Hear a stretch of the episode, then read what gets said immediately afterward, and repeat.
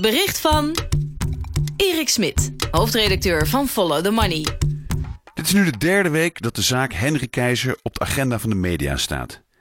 Het is ook de meest bizarre zaak waar ik in mijn journalistieke loopbaan op heb gezeten. De voorzitter van de Volkspartij die voor vrijheid en democratie staat, voor eerlijke kansen, voor vrij ondernemerschap. De partij die mensen die over talent en doorzettingsvermogen beschikken de ruimte wil bieden, wordt geleid door een kerel die ten koste van een koninklijke vereniging met vele duizenden leden rijk is geworden. Niet door eerlijk ondernemerschap, maar door misleiding. Het lijkt een scenario voor een film, maar dat is het niet. Henry Keizer bestaat echt. Hij is de man die de afgelopen jaren de VVD hielp reorganiseren. Hij schoof tot voor kort aan bij fractievergaderingen en is betrokken bij de vorming van het nieuwe kabinet. Keizer heeft kennis van zeer vertrouwelijke informatie en is de rechterhand van de man die ons land leidt, premier Mark Rutte. En niemand bij de VVD weet wat deze man Keizer precies in zijn leven heeft uitgevoerd.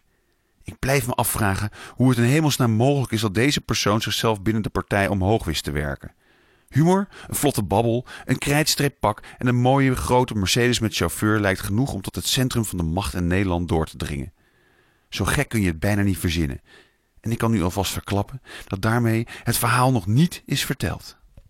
De Sublime Berichten. Maandag tot en met vrijdag om half tien. Experts uit alle hoeken van de samenleving met een frisse kijk op de wereld.